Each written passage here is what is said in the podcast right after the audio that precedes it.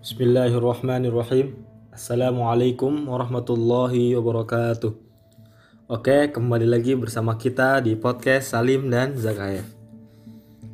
Insya Allah pada episode kali ini, setelah kita membahas Perang Badar dengan panjangnya sampai menghabiskan 4 episode, kita akan berlanjut ke kisah kisah-kisah selanjutnya. Jadi, perlu kita ketahui Perang Badar merupakan awal pertarungan bersenjata antara kaum muslimin dan kaum musyrikin dan merupakan peperangan yang sangat menentukan.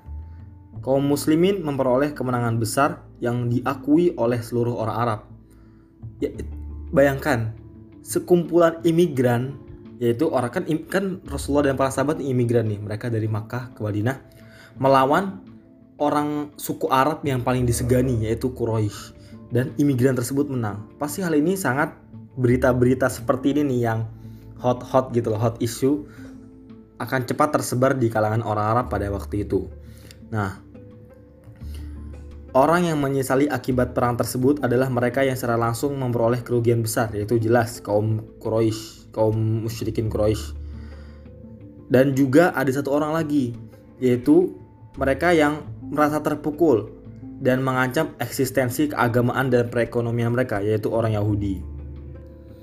Nah, sejak kaum muslimin meraih kemenangan dalam perang Badar, dua kelompok tersebut yaitu kaum kafir Quraisy dan Yahudi sangat menyimpan amarah kepada kaum muslimin. Sebagaimana yang Allah firmankan dalam Al-Qur'an Al-Maidah ayat 82 berbunyi La tajidanna nasi adawatan lil ladzina amanul yahuda wal ladzina yang artinya sesungguhnya kamu dapati orang-orang yang paling keras permusuhannya terhadap orang-orang yang beriman adalah orang-orang Yahudi dan orang-orang musyrik. Nah, tapi ada satu kelompok lagi nih yang mereka juga menyimpan dendam dan amarah terhadap kaum muslimin, yaitu mereka yang berpura-pura masuk Islam karena tidak ada tempat lagi untuk berlindung yaitu mereka yang sebenarnya adalah kaum kafir uh, Madinah. Mereka pura-pura masuk Islam sehingga mereka disebut dengan munafik. Kelompok ini dipimpin oleh Abdullah bin Ubay dan teman-temannya. Jadi Abdullah bin Ubay ini sedikit cerita sebenarnya sudah diceritakan di episode sebelumnya. Kalau beliau itu aslinya ingin menjadi raja, tetapi tidak jadi karena Rasulullah SAW datang di tengah-tengah Madinah. Di samping itu ada juga kelompok keempat, yaitu mereka orang-orang Badui yang tinggal di sekitar Madinah. Orang Badui itu apa sih? Orang Badui itu seperti orang-orang yang liar gitu. Mereka liar, tidak tinggal di sebuah kota, Biasanya mereka menempati kemah-kemah mereka sendiri dan nomaden. Mereka berpindah-pindah dan tinggal di sekitaran oasis di tengah-tengah gurun pasir. Nah, mereka ini terkenal dengan perampokan, dengan penjarahan, uh, dan juga pemerkosaan orang-orang yang biasa mereka culik pada saat berada di tengah-tengah jalan kafilah dagang gitu. Nah, orang-orang Badui ini sangat benci terhadap kemenangan kaum muslimin dalam perang Badar. Mengapa? Karena dengan kaum muslimin memperoleh kemenangan dalam perang Badar, hal itu akan mengancam uh, apa ya? perbuatan-perbuatan mereka yang tadi seperti perampokan, penjarahan akan terancam gitu eksistensinya. Bisa jadi kaum muslimin akan menegakkan keamanan dan stabilitas di tengah-tengah kawasan tersebut. Sehingga kaum Badui sangat menaruh dendam kepada kaum muslimin. Nah, demikianlah bahaya mengancam kaum muslimin dari segala penjuru. Tetapi kelompok-kelompok tersebut menempuh jalan yang berbeda dalam menghadapi kaum muslimin. Masing-masing mengambil jalan yang dipandang dapat mengantarkan kepada tujuan mereka. Ketika Madinah dan sekitarnya menampakkan keislaman dan mengambil cara-cara persengkongkolan dan makar, salah satu kelompok dari Yahudi menyatakan permusuhan dan melahirkan kedengkian dan kemarahannya. Ketika itu, Makkah mengancam akan melakukan serangan dan tindakan balas dendam, melakukan mobilisasi umum secara terang-terangan, dan menyatakan sikapnya kepada kaum muslimin bahwasannya harus ada hari yang lebih cerah dan setelah itu akan terjadi suatu ratapan dalam tempo yang lama. Nah akhirnya akan meledak nantinya perang Uhud, perang terbesar kedua dalam sejarah Islam. Nah beralih ke cerita selanjutnya, jadi ada sebuah ekspedisi intai. Jadi Rasulullah SAW biasa mengirimkan ekspedisi yang berjumlah hanya puluhan orang, biasanya berkuda karena diperlukan mobilitas yang cepat dan juga senyap. Gitu. Nah, Rasulullah mengirimkan uh, sariyah atau ekspedisi intai ini ke uh, Bani Sulaim. Mengapa demikian? Karena Nabi Muhammad SAW mendapatkan informasi dari para intel yang beliau punya tentunya bahwasanya Bani Sulaim dari kabilah Qutofan memobilisasi kekuatannya untuk menyerang Madinah. Maka Nabi Muhammad SAW dengan pasukan kavaleri yang berkekuatan 200 personil mendatangi kabilah tersebut di perkampungannya. Beliau sampah, sampai di wilayah tersebut, uh, tetapi Bani Sulaim melarikan diri dan meninggalkan 500 ekor unta di tempat mereka karena kan mereka melarikan diri gitu jadi ya nggak peduli lagi sama hartanya. Akhirnya Rasulullah SAW mendapatkan 500 unta yang ditinggalkan oleh mereka. Nah seperti itu. Apa uh, peristiwa Bani Sulaim ini terjadi pada bulan Syawal tahun 2 Hijriah atau tujuh hari setelah pulang dari perang Badar. Nah ada lagi nih. Kan setelah kaum musyrikin memperoleh ke, apa kekalahan dalam perang Badar tentunya mereka sangat marah betul. Nah, dikisahkan tidak lama seusai perang Badar, Umair bin Wahab, salah seorang pemuda terkenal di kalangan Quraisy, dan Sofan bin Umayyah, anak dari Umayyah bin Khalaf yang terbunuh dalam perang Badar, sedang duduk di sekitaran Ka'bah gitu. Nah, Umair adalah salah orang syaitan Quraisy. Syaitan ini maksudnya kayak gembong kejahatan gitu. Ini istilah saja yang telah menyakiti Nabi Muhammad SAW dan para sahabat beliau ketika beliau masih berada di Makkah. Sedangkan uh, anaknya sedangkan anaknya yang bernama Wahab bin Umair menjadi tawanan pada perang Badar. Dia menyebutkan para korban Badar, lalu Sofan berkata, sesungguhnya setelah kematian mereka akan datang kehidupan yang baik. Akhirnya dengan peruh kebencian, Umair mengambil pedangnya lalu berangkat ke Madinah. Singkat cerita, ketika sudah tiba di pintu Masjid Nabawi dan menurunkan untanya, terlihat oleh Umar bin Khattab radhiyallahu an yang sedang berbincang-bincang dengan beberapa orang dari kaum muslimin tentang kemenangan perang Badar. Mereka lagi kisah-kisah gitu. Nah, Umar langsung berkata nih, anjing musuh Allah ini Umair tidaklah datang kecuali pasti ada maksud jahat. Kemudian Umar masuk mendatangi Nabi Muhammad SAW yang juga ada berada di masjid. Seraya berkata, Wahai Nabi Allah, musuh Allah Umair telah datang dengan menyandang pedang, pedangnya. Nabi menjawab, suruhlah masuk menemui aku. Umar pun menemui Umair dan sambil menarik tali pedang Umair, ia berkata kepada beberapa orang dari kaum Ansor, Masuklah kepada Rasulullah SAW dan duduklah di sisi beliau, serta jaga beliau dari orang jahat ini, karena dia itu perlu diwaspadai.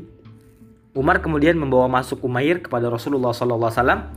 Setelah melihat Umair dan Umar memegang tali pedangnya yang berada di lehernya, Nabi berkata, Lepaskanlah wahai Umar dan mendekatlah wahai Umair. Umair kemudian mendekat dan berkata, Selamat pagi. Nabi Muhammad SAW menjawab, Allah telah memuliakan kami dengan suatu penghormatan yang lebih baik dari penghormatanmu, hai Umair, yaitu dengan salam, penghormatan penduduk surga. Beliau kemudian bertanya, Hai Umair, ada keperluan apa kamu ke sini? Umar menjawab, Aku datang dalam rangka tawanan yang ada di tangan Anda, yaitu anaknya kan. Umair kan tadi anaknya ditawan.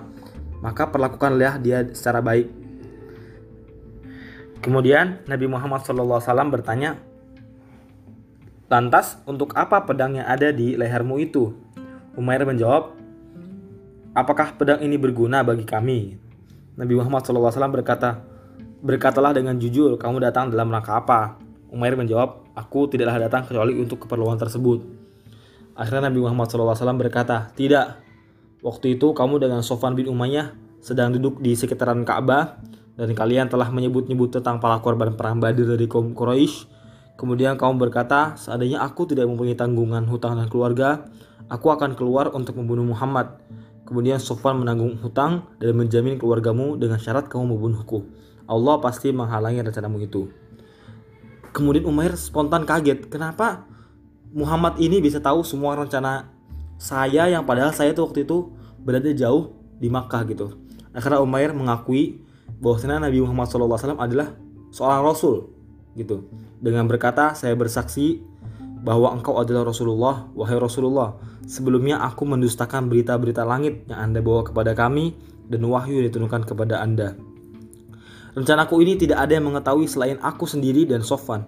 Demi Allah, aku mengetahui tidak ada yang memberitahukan kepada Anda kecuali Allah. Segala puji bagi Allah yang telah menunjukkan aku kepada Islam dan membawa aku ke tempat ini. Kemudian mengucapkan syahadat secara benar. Rasulullah SAW lalu berkata, ajarilah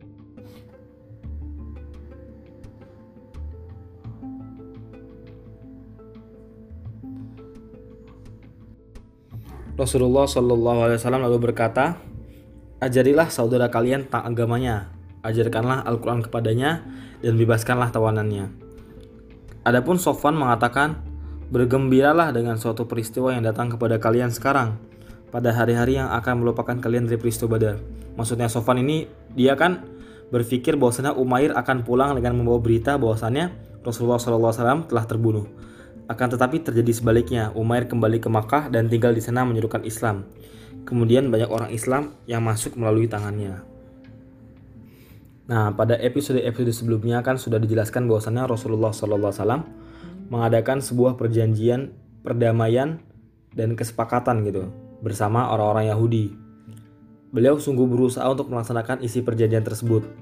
Akan tetapi, orang Yahudi yang sejarah mereka dipenuhi oleh pengkhianatan akhirnya mengkhianati perjanjian. Tidak lama kemudian, mereka berjalan mengikuti watak lamanya melalui makar dan membangkitkan keresahan dalam barisan kaum muslimin. Ada satu contoh makarnya yaitu ada seorang Yahudi bernama Syas bin Qais yang sangat membenci serta dengki kepada kaum muslimin. Pada waktu itu melewati beberapa orang sahabat Rasulullah SAW dari kabilah Aus dan Khazraj yang sedang ngobrol-ngobrol di sebuah majelis gitu sebuah perkumpulan lah.